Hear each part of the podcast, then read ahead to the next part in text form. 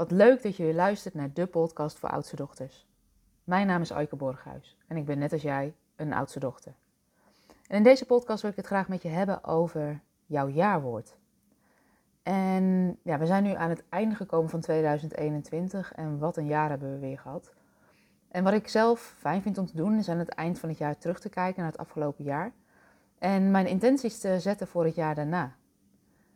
En om die intenties te zetten, uh, ga, sta ik vaak stil bij hoe wil ik me voelen in het nieuwe jaar.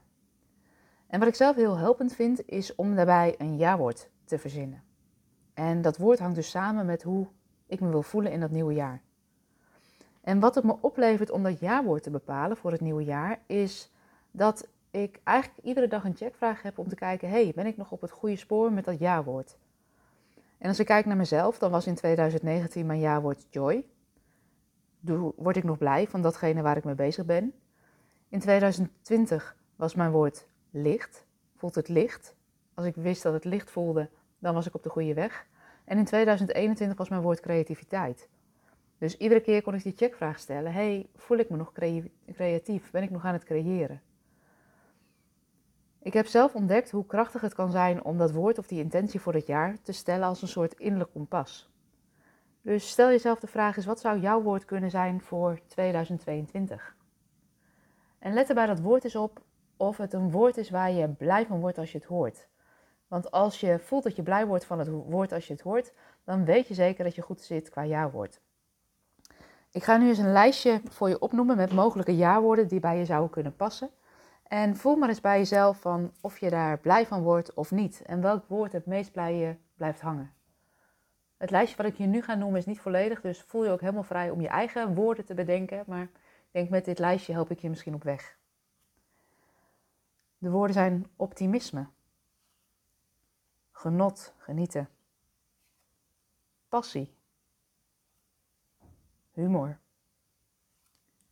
status, verantwoordelijkheid, dankbaarheid, bescheidenheid ruimdenkendheid, groei, spiritualiteit, wijsheid, nieuwsgierigheid, reflectie, creativiteit, inspiratie, verbeelding, succes, vastberadenheid, pragmatisme veiligheid, harmonie, trouw, stabiliteit, empathie, kwetsbaarheid,